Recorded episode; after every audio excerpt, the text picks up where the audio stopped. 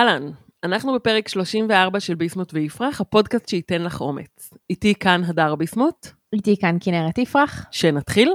נתחיל.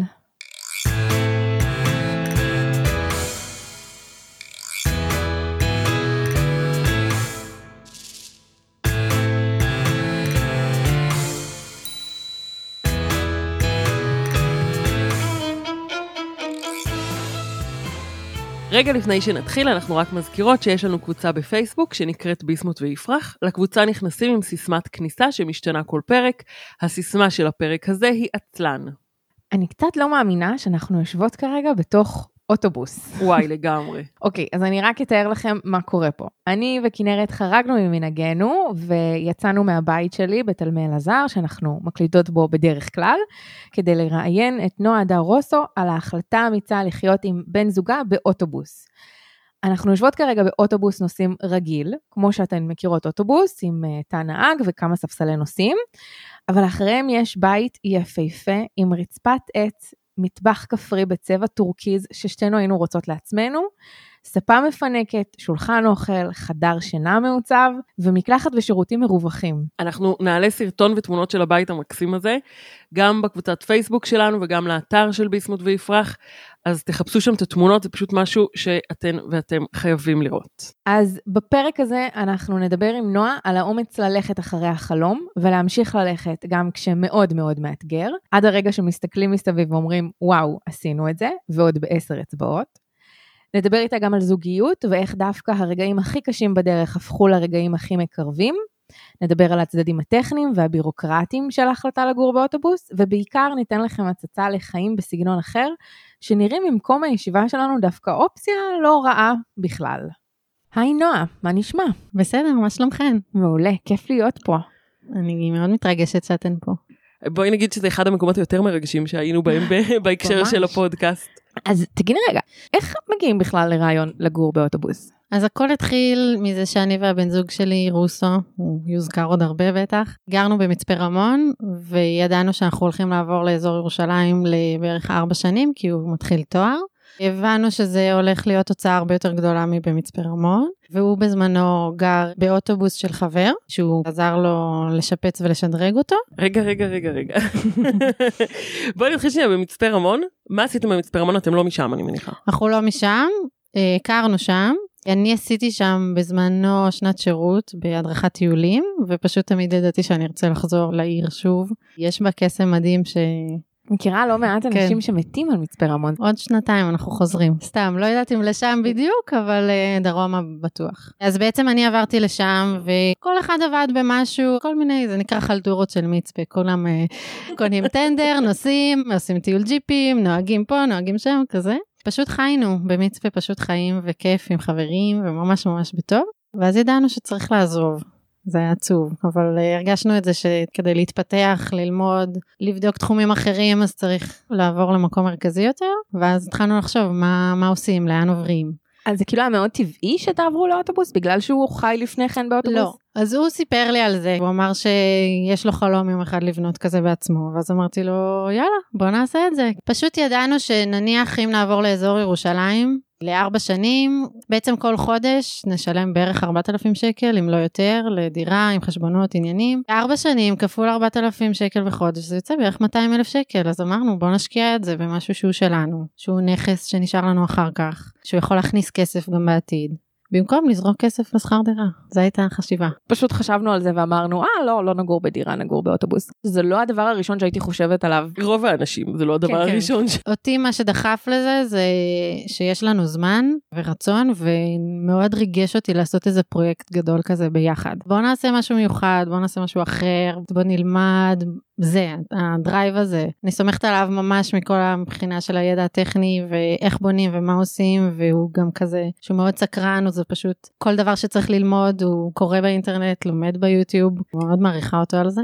ואיכשהו החלטנו שעושים את זה. הוא אומר שאם אני לא הייתי אז זה בחיים לא היה קורה, כי כאילו אני אמרתי לו בוא נעשה את זה, אבל אני מרגישה ההפך, אז כזה, נראה לי זה היה שילוב של שנינו. יאללה, הוא נותן את הצד שלו, אני את הצד שלי, ואיכשהו זה התרומם. מה היה הפחד הכי גדול שלכם, או ההחלטה הכי אמיצה שהייתם צריכים לקחת בשביל לעבור לגור באוטובוס? בהתחלה, כשהלכנו לראות כל מיני אוטובוסים, גם למכירה, גם אנשים שחיים באוטובוסים, אז פגשנו לא מעט אנשים שהתחילו והפסיקו באמצע, כי נגמר להם הזמן, אה, נגמר להם הכסף, הרבה אנשים שחשבו שזה יהיה קל והבינו לאיזה בלאגן הם נכנסו ורצו למכור באמצע, כל מיני סיפורים גם, אה, גם די עצובים, אפשר להגיד, של אנשים שניסו להגשים איזשהו חלום ולא הצליחו.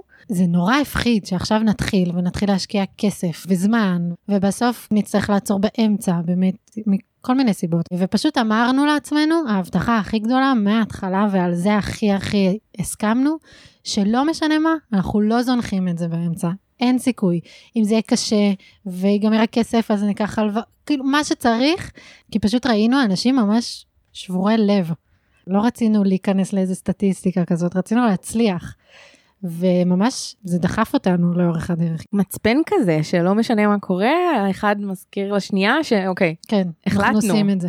מדהים. ואז אתם מספרים לאנשים שאתם הולכים לעשות את זה, ומה אומרים לכם? אז החברים עפים על זה, כי הם מכירים אותנו. סיפרנו לאימא שלי ולאבא שלי. אבא שלי עף על זה, אימא שלי כאילו התחילה להריץ סרטים לא טובים בראש, כמו באספור למשל, שהם חיים בדי מזבלה באוטובוס. והיא אמרה מה, ואין לזה צורה, ופה ושם, אבל ברגע שהיא הבינה שאנחנו עושים את זה בצורה נורמלית ויפה ואסתטית, אז היא גם עפה על זה לגמרי, והיא היא כזה הראשונה שמשווקת אותנו עכשיו, והיא מביאה את החברים שלה להשוויץ, וכזה... יואו, זה גדול. לגמרי משוויצה.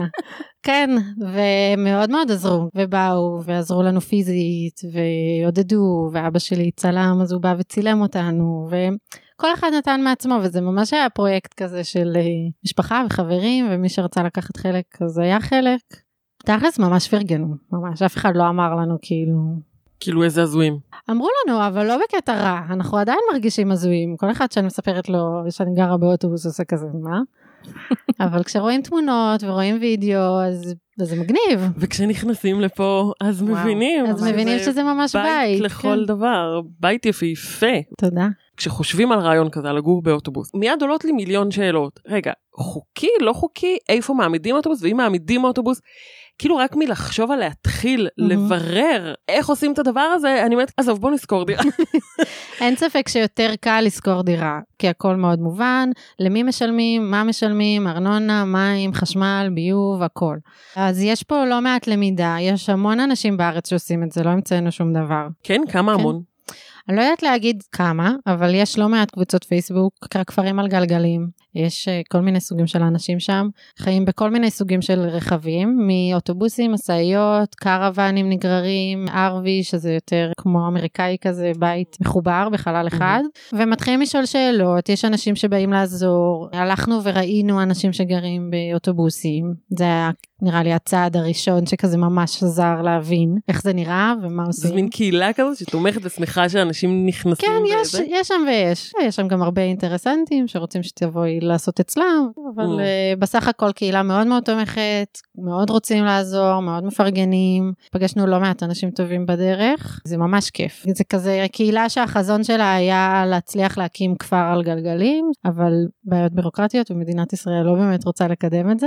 אני חושבת שזה המכשול או הקושי הכי גדול בארץ בלחיות על גלגלים, למצוא שטח שאפשר להעמיד אותו. אז מה זה אומר? איזה בירוקרטיה צריך בשביל זה? בעיקרון, בגלל שהרכב הוא נוסע, יש כזה רישיון שנקרא מסע מגורים. ממש כתוב לנו ברישיון של הרכב מסע מגורים.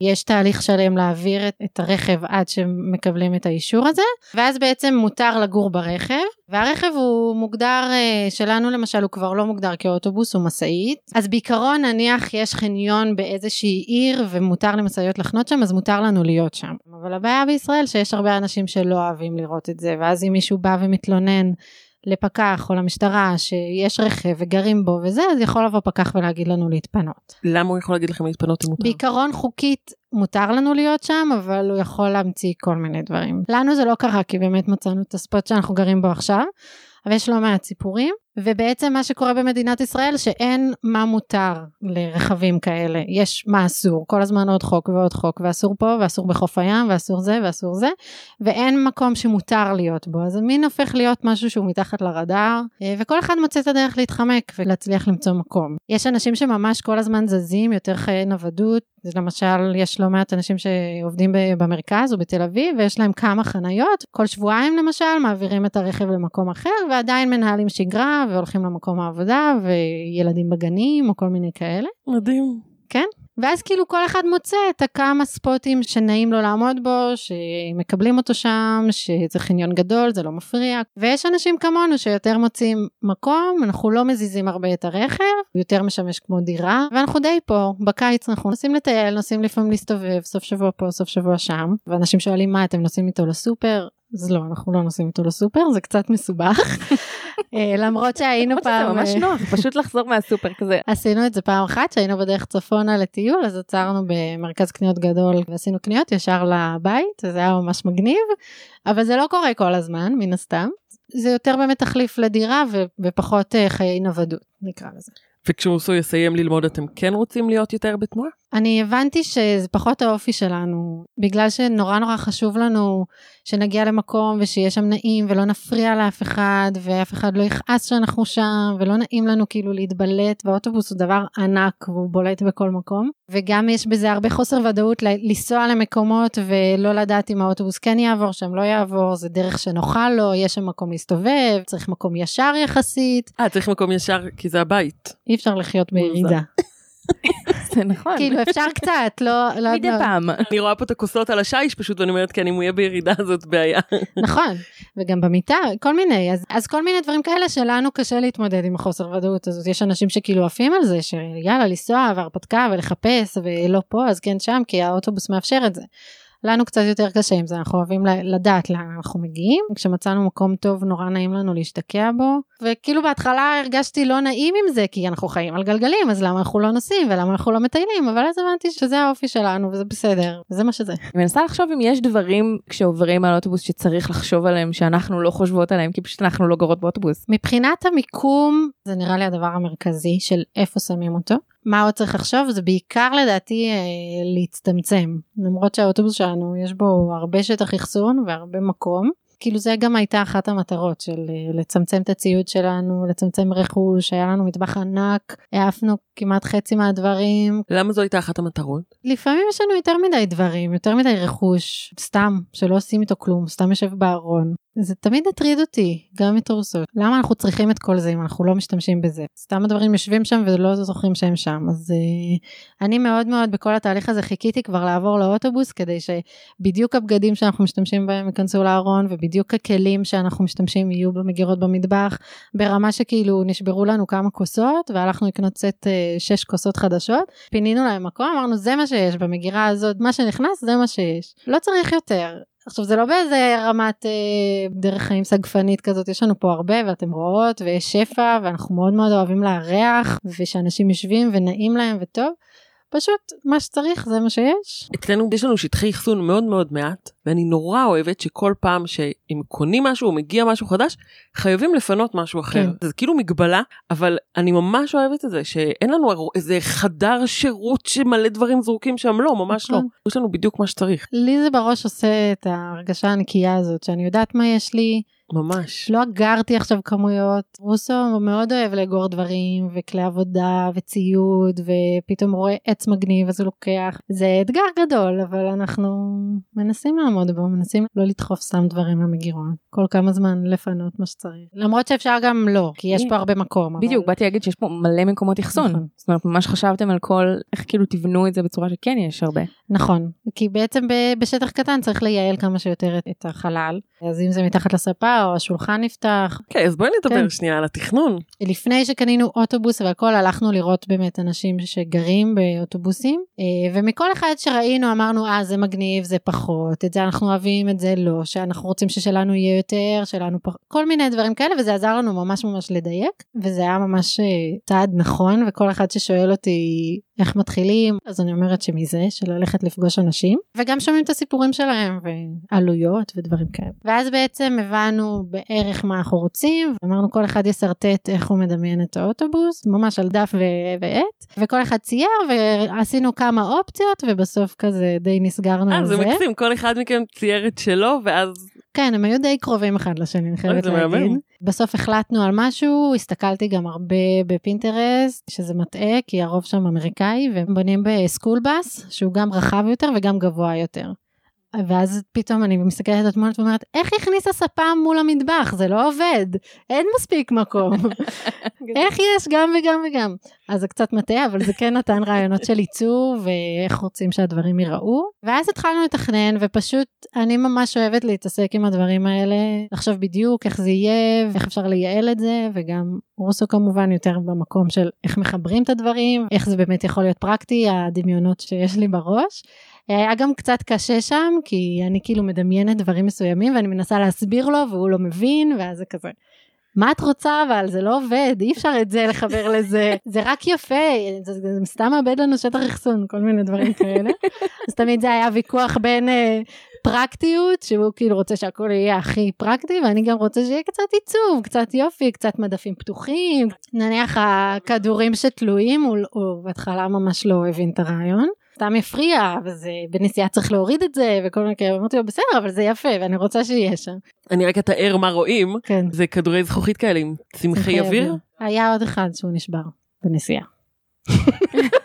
לא הורדת את זה לפני שנסעתם, אני מבינה. נסענו קילומטר והיה איזה ג'יאג'ואה ושכחנו להוריד אותו.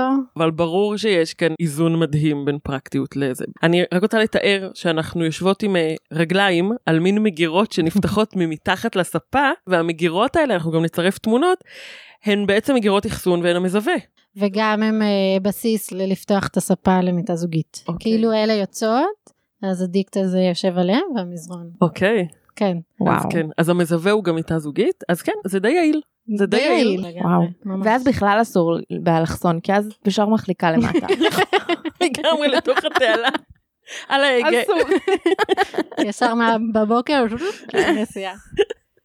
אבל אה, כן, מדהים. אז פשוט התחלנו לצייר ולא על הכל חשבנו מראש, הרבה היה אלתורים. הדברים היו בערך, אבל בפועל אחר כך שמגיע האוטובוס ורוקנו אותו והכל, אז התחלנו לצייר על הרצפה, כי ניסינו להבין איך זה מרגיש במרחב, אם עכשיו באמת שהמטבח והשולחן הם במרחק כזה, אם זה מספיק עכשיו למרחב, עם המסדרון השארנו שם 70 או 50, אם יש הבדל עם איך זה מרגיש שזה לא צפוף מדי. ממש התחלנו לצייר עם טושים על הרצפה, וגילינו שכל סנטימטר זה עולם ומלואו, ממש. אם המקלחת והשירותים הם עוד 5 סנטימטר או פחות, זה כאילו, את יכולה להכניס עוד שידה ומדפים או פחות, זה כאילו, היה ממש מדהים. כל מיני דברים כאלה שכזה לאורך הבנייה אז פשוט הלתרנו, כי לא היה אפשר לחשוב על הכל מראש, או נניח היה לנו את האוטובוס והתחלנו לפרק את כל המושבים ממנו ואת המזגן מהגג וכל מיני דברים כאלה. ואז כזה הוא היה כבר ערום והגיע הזמן להתחיל ואמרנו אוקיי רגע ממה מתחילים? טוב נתחיל מהרצפה. אז התחלנו מהרצפה ואז אמרנו אוקיי אז תקרה אבל רצינו להעביר חשמל בתקרה. טוב אז לא נעביר חשמל בתקרה. כי כאילו היה כל כך הרבה דברים לחשוב עליהם ואף פעם לא בנינו בית ובטח שלא באוטובוס. אז אמרנו טוב נתחיל ומה שיהיה יהיה ונאלתר אחר כך וזה מה שהיה כי אחרת זה היה כזה overwhelming של לחשוב על יותר מדי דברים אומרת, כל צעד בעיתו ונתקדם. כל דבר שאת מתארת, אנחנו רואות. אני מיד רואה את התקרה, ולמה לא העבירו בחשמל, ואיך כן העבירו פה, אני רואה את החשמלים עוברים כל כך יפה. באמת בפודקאסט קשה להעביר את נכון. זה. אז אני רק אתאר אותנו, שאנחנו פשוט יושבות ומשתאות. את כאילו מדברת, ואנחנו מסתכלות מסביב, וזה...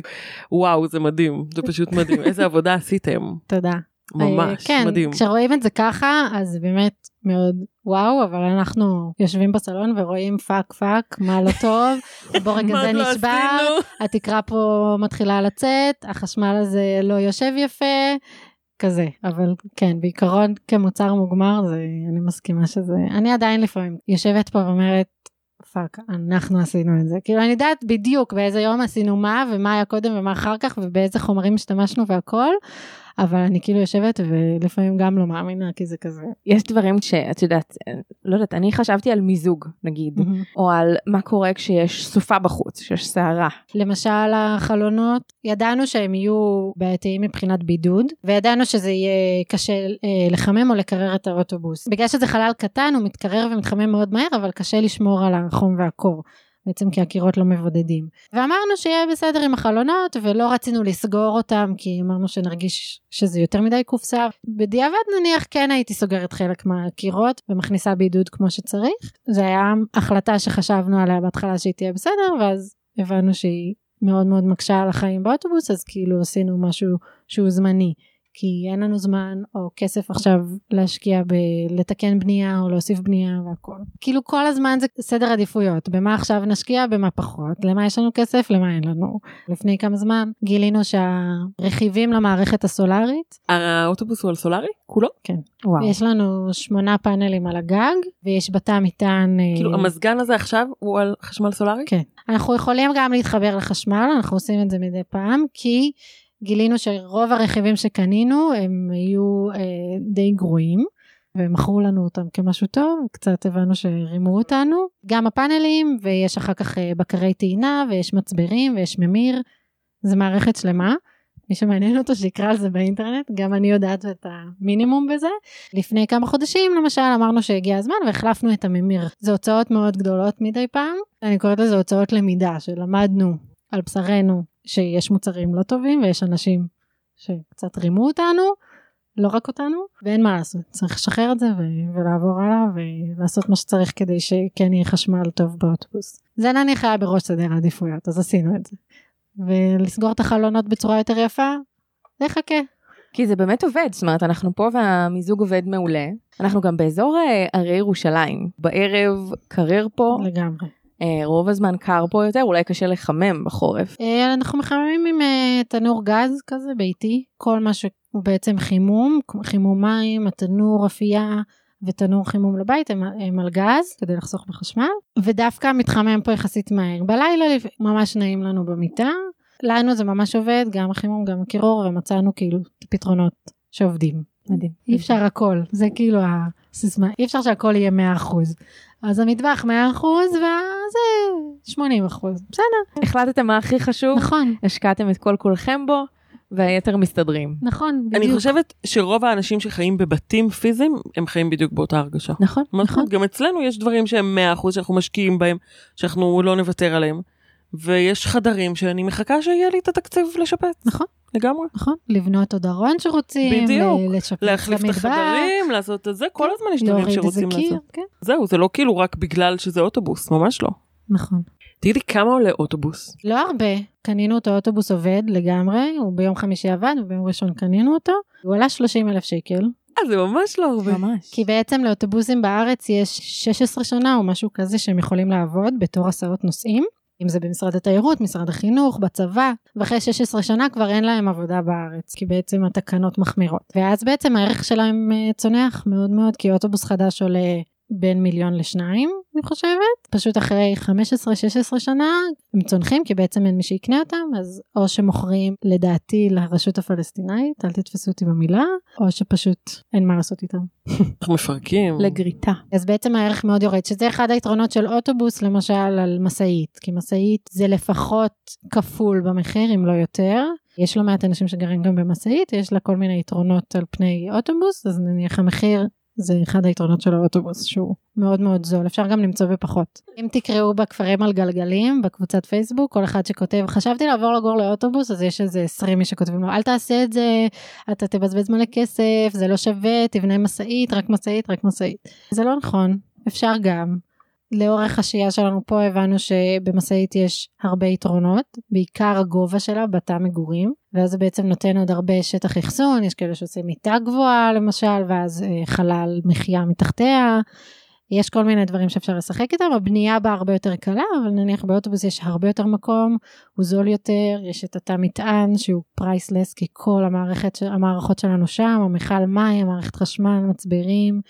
מכונת כביסה, מדחס של המזגן, הכל הכל שם, ועוד יש לנו שם שטח אחסון משוגע, אז כאילו זה לכאן ולכאן, יתרונות וחסרונות בכל דבר. ואת כל זה רוסו ידע לעשות, רוסו יודע לשים את המדחס למטה, לחבר לזה. לא, למדנו, למדנו. והרבה אנשי מקצוע טובים שרוצים לעזור, הזמנו לכאן אה, טכנאי מזגן, הוא בא, הוא התלהב, הוא אמר לנו אל תעשו ככה, כן תעשו ככה, טוב נוריד את הצינור הדרך פה, נשים פה. אנשים ש... שכן מבינים. וגם בטח נורא שמחים לעזור לכם כי זה כזה מגניב אני חושבת טכנאי מזגנים הוא תמיד יש לו כאלה דברים משעממים להתקין את המנוע כן. מתחת לחלון. אנשים מתלהבים ממש, כאילו זה עניין אותו, זה היה מין איזה אתגר.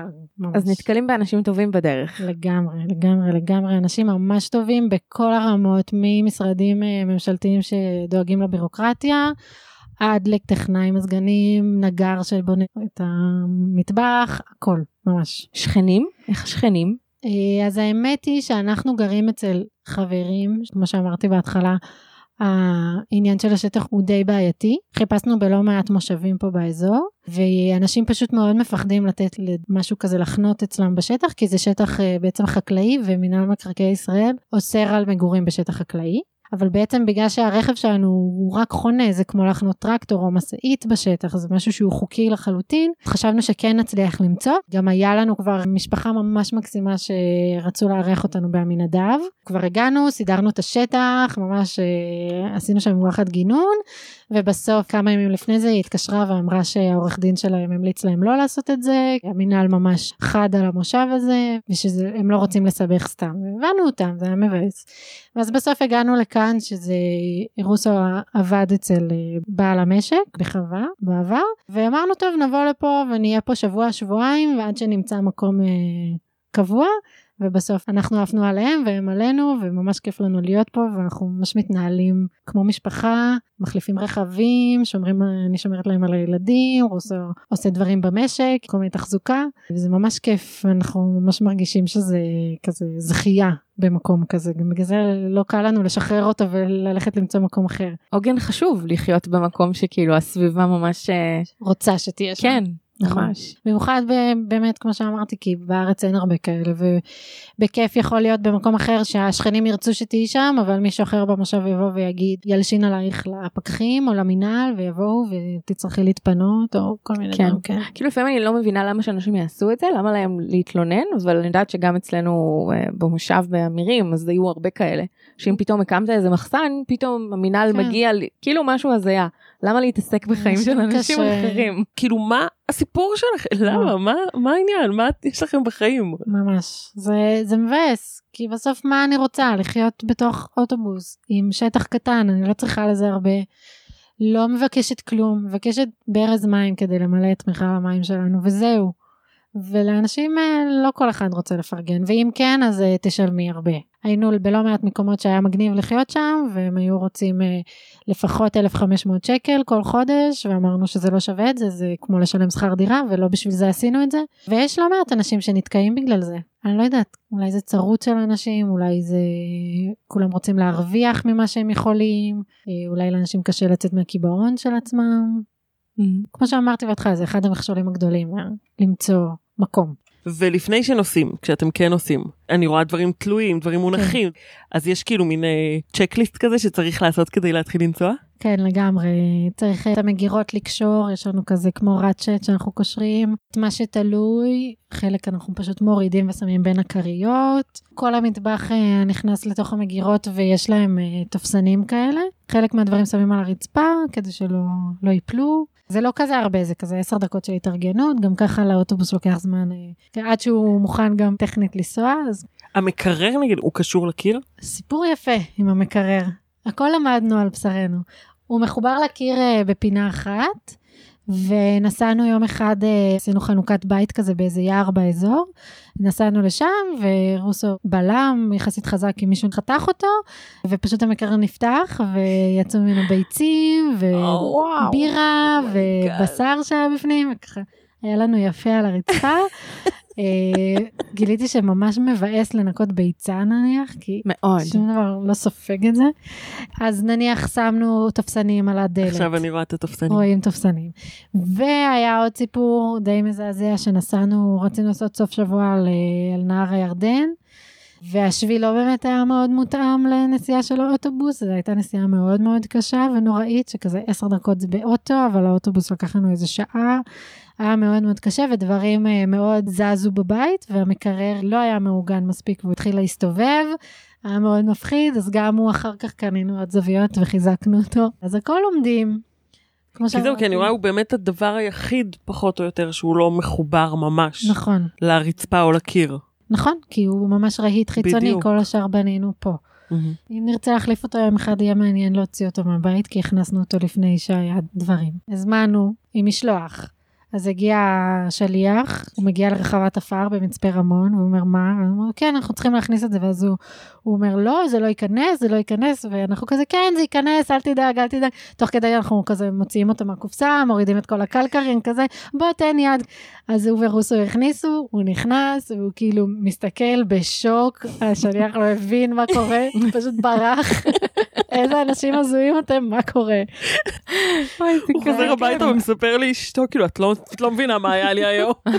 זה לא, מה, כאילו, כל כך קשה לחשוב קצת מעבר. בתהליך בנייה, אפילו שיפוץ קטן בבית, יש בין בני זוג חיכוכים וזה קשה. שמעתי על זוגות שנפרדו אחרי שהבית הושלם. נכון. אז אני אומרת, אוטובוס זה אולי אפילו עוד יותר מורכב. אז איך היה ביניכם ולכם התהליך הזה? אני ממש מתחברת למה שאת אומרת, גם כל אחד שרואה אותנו אומר, זה מדהים ששרדתם את זה ביחד, ובסופו של דבר זה מאוד חיזק אותנו, אבל היה לא קל. היה לא פשוט, שנינו אנשים מאוד פרפקציוניסטים, מאוד דעתניים, כל אחד חושב שהוא מבין יותר בחלק מהדברים. היה את הדברים הבטוחים שאנחנו יודעים שזה שלי וזה שלו, ומה שהיא או הוא אומרים זה כאילו מה שעושים, בלי להתווכח, והיה דברים הרבה שהם היו בין לבין. גם אה, אני, היה לי מאוד מאוד קשה, כי לרוסו באמת, כמו שאמרתי, היה את כל הידע מבחינה טכנית של איך עושים דברים, ואיזה חומר הכי טוב, ואיך חותכים, ואיך עובדים עם מקדחיים, הברגיים, מסורים. עכשיו יודעת את כל סוגי המסורים. ואני הייתי בעמדה מאוד נחותה, כביכול, במקום את הזה. רק יודעת מה יפה. כן, וכאילו, אני יודעת איך זה אמור להיות ומה אני חולמת, אני לא יודעת מה צריך בשביל להגשים את זה, ואיזה סוג ברגים, ואפילו ברמה שאני אף פעם לא קדחתי, אז אני לא יודעת איך קודחים או איך עובדים עם מסור. ולי קשה להיות במקום שלא יודע. אני מאוד אוהבת לדעת, אני מאוד אוהבת לשלוט, אני לא אוהבת במקום שמעירים לי הערות, או שצריכים ללמד אותי, וזה היה המון מקום כזה, בכל הבנייה, כי אין מה לעשות, אני לא יודעת והוא יודע, ואנחנו רוצים לעבוד ביחד, אני גם רוצה לעבוד באוטובוס, אני לא רוצה רק להגיד לו מה אני מדמיינת ושהוא יעשה. ומאוד מאוד ניסיתי לשחרר את המקום הזה, היה לי מאוד קשה, היה ימים שרוסו עבד באזור של המיטה, ואני עבדתי פה באזור של הסלון, וחתכתי את הקורות של הקירות, וקיבלתי איזה מכה קטנה מהמסור, ופשוט התחלתי לבכות את החיים שלי. זה לא היה בגלל המכה כמובן, זה היה כאילו איזה אה, להתפרק. אז רוסו מגיע ורואה אותי בוכה, והוא לא יודע מה לעשות, כי כאילו... למה את בוכה? מה קרה? אני צריך לעשות משהו, עשיתי משהו לא בסדר, הוא לא מבין, הוא נורא, הוא. הוא מלא חמלה, והוא נורא רצה לתת לי את המקום הזה, והוא מאוד מאוד ניסה להסביר את הדברים בצורה מדהימה. זה היה מאוד קשה. היה ימים שפשוט אמרתי, טוב, אני הולכת הביתה ואתה כך. וגם זה הרבה אמוציות, כי דברים לא עובדים כמו שרצינו, וחלק דברים מתסכלים, ופתאום אין את החלק שבדיוק אנחנו צריכים, וחם, ועמוס, ומלא מלא מלא דברים, ומלא חששות, וכל אחד מאיתנו מבטא את זה אחרת, אני יכולה להתחיל לבכות, רוסו יכול להתחיל לצעוק ולהתעצבן, ואז אנחנו צריכים גם ללמוד להכיל אחד את השני, לפעמים פשוט לתת המרחב, לפעמים להגיד יאללה בואו סיימנו להיום. אז היה הרבה הרבה הרבה דברים ללמוד אחד על השנייה גם לא היינו הרבה זמן לפני זה ביחד אנחנו סך הכל שלוש וחצי שנים ביחד אז זה היה כאילו בשלב יחסית מוקדם של הקשר. נראה לי מה שהחזיק אותנו זה שנורא שמחנו אחד על השני. אני שמחתי עליו שעכשיו הוא יראה אותי מתפרקת ובוכה או צועקת או זה אז הוא ידע שזה בסדר וזה לגיטימי ו...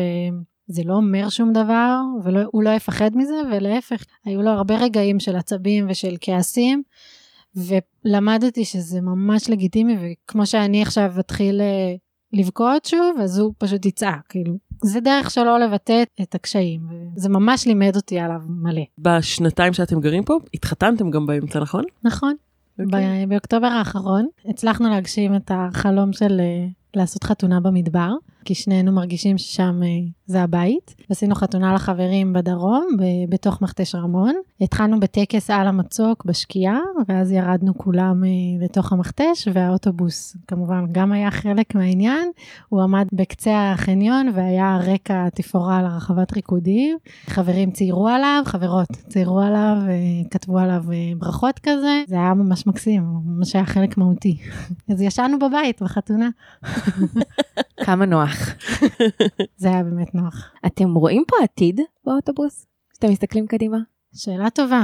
רואים עתיד, אבל לא רחוק. דבר ראשון, את הארבע שנים של התואר בטוח נסיים, שנשארו כבר עוד שנתיים, ואנחנו רואים משפחה. תחילת משפחה, אני מאוד מאוד רואה שנעשה את זה פה. כן, תינוק. לגדל פה תינוק. לגמרי. לא מעט חברים שהיו פה כבר עם ילדים, אמרו, בואנה, יש פה מלא מרחב, אתם לא צריכים שום דבר יותר. כאילו באמת, אני כבר במחשבות של, אוקיי, נפנה פה שתי מגירות, מדף בארון, והכל סבבה. וגם אה, חלק מהתפיסה של לחיות על גלגלים זה שהמרחב הוא גם בחוץ. בכיף, יש לנו פה אחלה של מרחב, ואחלה של נוף, ואחלה של שכנים, אז אני לגמרי רואה פה עתיד, אבל כזה לכמה שנים הקרובות. ואחר כך, אה, מי יודע מה יקרה, אולי נבנה בית על הקרקע. אולי נבנה עוד משאית ונעמיד אחד ליד. השני. מעניין. בשביל זה אנחנו צריכים שטח. אם למישהו יש שטח שבא לו שנעמוד שם, אנחנו נשמח. אוי, לגמרי, אם מישהי ששומעת אותנו ויש לה שטח, אני חושבת שחשוב שאנשים שיש להם שטח, שידעו שיש אנשים שמחפשים, לגמרי. כאילו יכולים למצוא אחד, שיכולים להיכנס. לכפר על גלגלים ולהגיד, תקשיבו, יש לנו שטח, כן. העורך דין שלנו מסכים לנו, אתם יכולים לבוא לפה. גם אנשים ישמחו לתת בתמורה. נכון לא כמו שכר דירה, אבל uh, את הכמה מאות שקלים בחודש שמכסים את ההוצאות שיש כמובן, וישמחו לשמור בתמורה על השטח, או לעבוד את האדמה, שש... כאילו, אנשים מחפשים את זה, ובארץ זה ממש נחוץ. אוקיי, אז האוטובוס עולה 30 אלף אמרת? כמה עולה אחר כך כל הדבר הזה שאנחנו יושבות בתוכו עכשיו, שהוא בית לכל דבר? עד עכשיו, כי כמו שהבנתם, אנחנו ממשיכים להשקיע באוטובוס, ויש כל מיני בלת"מים. אנחנו סביב ה-220 אלף שקל. התקציב שלנו היה 200 אלף שקל, כי כמו שאמרתי, זה בערך היה החישוב שלנו שנוציא גם ככה על שכר דירה בארבע שנים האלה. אז אנחנו די בתקציב. נראה לי שבבנייה רגילה סוטים הרבה יותר. יכול להיות. לא, אז יש. סטייה, אבל שוב, כמו שאמרתי, אז יש דברים שפחות השקענו בהם ויותר. היה לנו מאוד מאוד חשוב לעשות את זה באיכות טובה, גם מבחינת החומרים, גם מבחינת הבנייה, הנראות, האסתטיקה, והיה לנו חשוב לא להתפשר בדברים ולהשקיע באמת, כי אמרנו, אנחנו בונים את זה פעם אחת. מה היה לכם הכי חשוב להשקיע בו? מה ההוצאה הכי גדולה כשעוברים חוץ מהאוטובוס עצמו? שגם נראה לי שהוא לא ההוצאה הוא הכי לא גדולה. ההוצאה הכי גדולה. כן. הוא בין הגדולות. אה, ההוצאות הכי גדולות היו המערכת הסולארית, היה מכלי מים, והמטבח הייתה הוצאה מאוד גדולה. בנה לנו אותו נגר מקסים, מאוד ממליצה, קוראים לו מתן אחימוב, מבאר שבע. שנינו מאוד אוהבים אה, מטבח, ורוסו מאוד מאוד אוהב לבשל, ואנחנו מאוד אוהבים לארח. לא רצינו להתפשר על מטבחון קטן, והבנו שזה יהיה כזה המרכז של הבית ומה שיראו כשנכנסים, אז מאוד רצינו להשקיע ולהגשים איזה חלום כזה של מטבח אה, בחלומות. אז אה, אני מאוד רציתי את הצבע והחזית הזאת, שאפשר לראות בתמונות חזית כפרית. רוסו רצה שהמשטח יהיה פלטת עץ אמיתית, עץ מלא. אז הלכנו ובחרנו פלטה, ומצאנו נגר שיכול אה, להקציע אותה וליישר אותה, ומצאנו נגר אחר שיכול לבנות לנו את המטבח, ושיהיה מספיק עם אה, ראש פתוח לעשות את זה ב- לא במידות הסטנדרטיות. אז זה הייתה וואחד הוצאה, וזה לגמרי שווה את זה בעיניי. ממש שווה את זה, באמת. אתם חייבים להיכנס לתמונות. אם אתם לא רואים, אם אתם לא נכנסתם לפוסט, לכו וחפשו את התמונות ואת הסרטון שהעלינו, ממש ממש חשוב. מה השאלות שהכי הרבה שואלים אתכם? אז קודם כל אנשים שואלים מה עם השירותים. משום מה זה הכי מעניין את האנשים. לא, זה חשוב. לא הכי, אבל זה חשוב. מעניין אותם. רגע, יש לכם מקלחת? ומה אתם עושים בשירותים? אז כן, יש לנו מקלחת, היא אחלה מקלחת מפנקת, והשירותים זה באמת שאלה טובה, זה היה הדילמה הכי גדולה, כי זה ליטרלי להתעסק בחרא.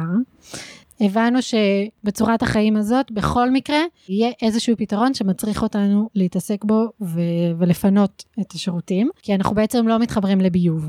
אז יש כל מיני אופציות בתחום. יש כאלה שעושים שירותי הדחה רגילים כמו בבית, ובעצם מרוקנים את המיכל מים לביוב. אותנו זה לא הלהיב במיוחד, זה די מסריח. איך מרוקנים את זה לביוב? מתחברים בעיקרון למערכת? צריך לנסוע למקום ולהתחבר ולקבל אישור. את לא יכולה לשפוך ביוב בכל מקום, אז זה מסובך.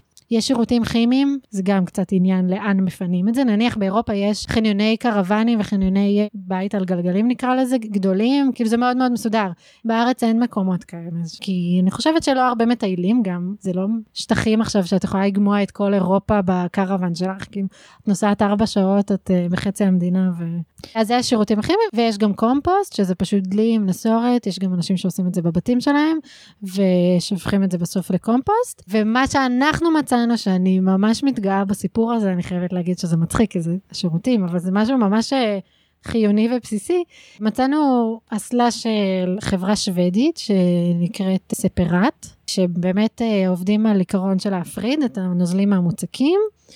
זה תמיד לא נעים לי לדבר על זה, כי זה כאילו פיפי וקקי, אבל אין מה לעשות. מה לעשות, לכולנו יש את זה. כן, אז בעצם זה אסלה שהיא מופרדת, אתם אחר כך יכולות לראות שהחלק הקדמי שאליו עושים פיפי הוא בעצם נשפך עם כל הכיורים והמקלחת למיכל מים אפורים, שזה בעצם די נמהל בתוך כל המים והסבון שיש שם, והחלק האחורי זה בעצם דלי, אנחנו שמים בו שקית או שתיים אטומות חזקות, זה כמו פח של הקקי והניירות, ומה שמיוחד זה שכל התא הזה מאוברר כל הזמן עם אה, ונטה החוצה, אין ריח בכלל, כמו שאתן מריחות, זה מאוד מאוד נוח, זה מאוד מאוד אסתטי וזה באמת פתרון מדהים. הכרנו את האסלה הזאת דרך האוטובוס הישן שרוסו גר בו, הוא בנו אותו לפני איזה 15 שנה, וניסינו למצוא איך לייבא כזה ואיך אה, להביא, כי ממש לא רצינו להתפשר על שום אה, פתרון אחר. אז התחלתי לחקור, שאלנו את הבחור שהאוטובוס היה שלו, ואז הוא שלח אותנו לבעל חווה בדרום. שהוא ידע שיש לו כאלה בצימרים. התקשרנו אליו, הוא שלח לי פרוספקט ישן, ישן כזה מפעם, עם טלפון של מישהו. התקשרתי אליו, הוא עונה לי, וואי, את מחזירה אותי שמונה שנים אחורה, לא התעסקתי עם זה, ממש לא. נגעתי, כן, ממש. יצרנו קשר עם היצרן, הוא אמר לנו לדבר עם פולין, כי משם יהיה הכי זול לשלוח לישראל. הבנו שאם נקנה כזאת חדשה, באמת מפולין, וישלחו לנו, זה יעלה איזה 4,500 שקל. היינו מוכנים כבר להשקיע את זה, וסיפרנו את הסיפור הזה במפגש חברים, סתם ישבנו עם חברים, ואמרנו שאנחנו מחפשים, ו... ואז מישהו, כאילו חבר של חברה, לא במעגל הראשון, אומר, שמעתי שבעל חווה בדרום מוכר כאלה, דברו איתו. אנחנו כזה, מה? עכשיו, אנחנו מכירים את החווה, מכירים את האנשים, הבן למד עם אה, רוסו בתיכון, כאילו, מכירים את האנשים. יום אחר כך אני מתקשרת, הוא אומר, כן, פעם קניתי והבנתי שזה לא מתאים לצימרים, כי אנשים לא רוצים שאני אסביר להם על איך לעשות קקי, לגיטימי, ובגלל שזה... הגיוני. אז כן, אז הם יושבים אצלי במכולה כבר כמה שנים, והחלטתי למכור, אני מוכר יחידה ב-2,000 שקל. עכשיו, זה היה 20 דקות נסיעה מאיתנו, ממצפה רמון, זה אפילו לא היה באיזה חור ברמת הגולן, זה היה בחור בדרום לידינו. זה היה ממש, אני ממש אוהבת לספר את הסיפור הזה. זה אשכרה ממש גאווה, כאילו- ממש. השתלבו הדרכים והלכנו וקנינו וזה, והיום כבר גילינו שכן יש מישהו שמייבא את המוצרים האלה לארץ, אה, שזה משמח, כי יש הרבה חלקי חילוף להחליף בזה, וזה משמח מאוד. אז זו שאלה שממש אנשים מתעניינים. אז הכל בסדר עם השירותים. הכל בסדר, כן. אה, מפנים כל אה, שבוע בערך את השקית, יש לשתי דקות ריח ואחר כך הכל עובר, אני משווה את זה כמו להחליף חיתול לילד. כן, או כמו כשעושים באמת בשירותים, תמיד יש ריח אחר נכון, כך, כאילו, מה האמת היא לעשות? שבשירותים האלה, בגלל שהם כל הזמן מאובררים, אז אין ריח כשעושים קקי. איזה מגניב. רק. כשמוציאים את השקית פעם ב... חשבת שנדבר בפודקאסט שלנו על הריח של הקקי? לא, האמת נכון, שזה מפתיע. פחות מהחלקים שצפיתי. זה מאוד מעניין אנשים, כי מעניין אותם איך להבין, הדברים כן. היומיומיים משתלבים, וקשה להם להבין שיש לנו פה הכל. כמו בבית, אם לא יותר טוב, וזה ממש היה כמו לבנות בית, למצוא את הפתרונות שאנחנו הכי רוצים, כמו ששאלתם איפה יש חשמל, אז בכל חור שמנו מלא שקעים, כי תמיד בחדרים, בדירות השכורות יש איזה שקע אחד בצד השני, מאחורי הארון, ולא מגיעים אליו. אז כזה שמנו בכל מקום, ו... יש עוד שאלות ששואלים אתכם? שואלים על עניין המחיר, אז באמת אה, דיברנו על זה, כמה עלה. אה, רוב האנשים נחמדים לא שואלים את זה בצורה חסרת טקט. כמה זמן לקח לכם לבנות אותו? קנינו אותו בדצמבר, ובפועל עברנו עליו באוקטובר כמעט שנה אחר כך. גם מה שעיכב אותנו בפועל זה היה גם עניין הבירוקרטי של ההוצאת רישוי. כדי להסב רכב למסע מגורים, זה תהליך בירוקרטי מעצבן, כמו שאנחנו אוהבים במדינת ישראל, אבל uh, צלחנו אותו אז הוא אפשרי לגמרי. בעצם אוטובוס צריך קודם כל להעביר אותו לרישוי שנקרא מסע אחוד, שזה בעצם כמו משאית, ובעצם מאז רוסו יכל uh, לנהוג עליו, כי יש לו רישיון של uh, משאית כבדה, מעל 15 טון. שזה גם אחד העניינים שצריך לחשוב עליהם לפני שקונים אוטובוס או משאית, צריך להבין איזה רישיון צריך בשביל זה, בשביל להזיז אותה. אז בגלל שהיה לו כזה רישיון מהמילואים, אז זה היה אופציה טובה לקנות רכב גדול וכבד. הוא ממש שימושי רוזו. אמרתי, מאוד שימושי, השקעה טובה. כבר מושקע, זהו, אי אפשר, אי אפשר לחלוק אותו. מה, אין חברים? משהו? דומים. כמו שאמרתי, לא הייתי עושה את זה בלי שידעתי שיש לי את רוסו. אז בעצם, קודם כל הסבנו אותו למסע אחוד, שזה לקחת אותו ליום במשרד הרישוי.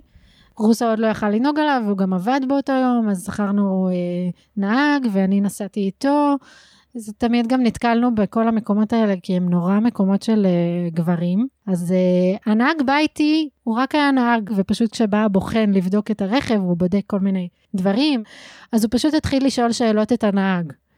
ואמרתי לו, זה הרכב שלי, הוא בבעלותי, הוא לא בבעלות הנהג. והוא פשוט כאילו לא התייחס אליי, כי אני אישה קטנה. הוא שואל אותו ואני עונה לו. עכשיו הנהג היה מקסים, כן, הוא שיתף איתנו פעולה, הוא חיכה איתי, היה, אתם יודעים, משרד רישוי צריך להמתין איזה כמה שעות עד שמישהו מתייחס.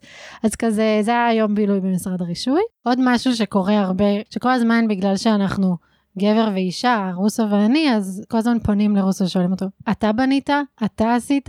איך אתה נוהג על זה? איך אתה עושה? וכל הזמן אנחנו אומרים, ורוסו במיוחד, שהוא מקסים בעניין הזה, אומר, אני ונועה עשינו, נועה ואני, זה של שנינו, שנינו בנינו ביחד, שנינו עשינו. וזה חלק מהתחושת העצמה שבאמת זה של שנינו, כל אחד תרם פה את החלק שלו, דחף במקומות שהוא הצליח לדחוף, בנה את הדברים שהיו נוחים לא לבנות, וגם לא, ויצאנו מאזור הנוחות. גם באסתטיקה, זה לא שזה היה רק אני, כאילו, בכל מקום לכל אחד היה את הצד שלו, גם במאחורי הקלעים, אה, למשל אם הוא עכשיו עבד סוף שבוע על האוטובוס ואני הלכתי לעבוד והכנסתי כסף, אז זה גם. לגמרי. או אם uh, אני יותר דחפתי בצד הבירוקרטי ומול ספקים ומחירים ועניינים, אז זה חלק ממש מהותי, וזה באמת של שנינו. אנחנו כל כך בחברה שכאילו, אה, אם זה טכני ואם זה בנייה, אז הוא עשה. אבל לא, אז גם אני עשיתי, ויש פה את שנינו לחלוטין. וזה חשוב. אה, אז קודם כל מסבים אותו למסע אחוד, אה, ובעצם בתחילת הפרויקט צריך ליצור קשר עם מהנדס רכב שמתמחה בעניין הזה, ובעצם בסוף הבנייה היינו צריכים ללכת לכמה בדיקות כדי לקבל את האישור. אז יש אה, את הבודק במשרד התחבורה, מכון התקנים, שהם ממש בודקים באיזה קוטר כל בורג שהשתמשנו, ואיך הדברים מחוברים, ושהדברים יציבים ולא יכולים לזוז בנסיעה, כל מיני דברים שממש ממש קטנים.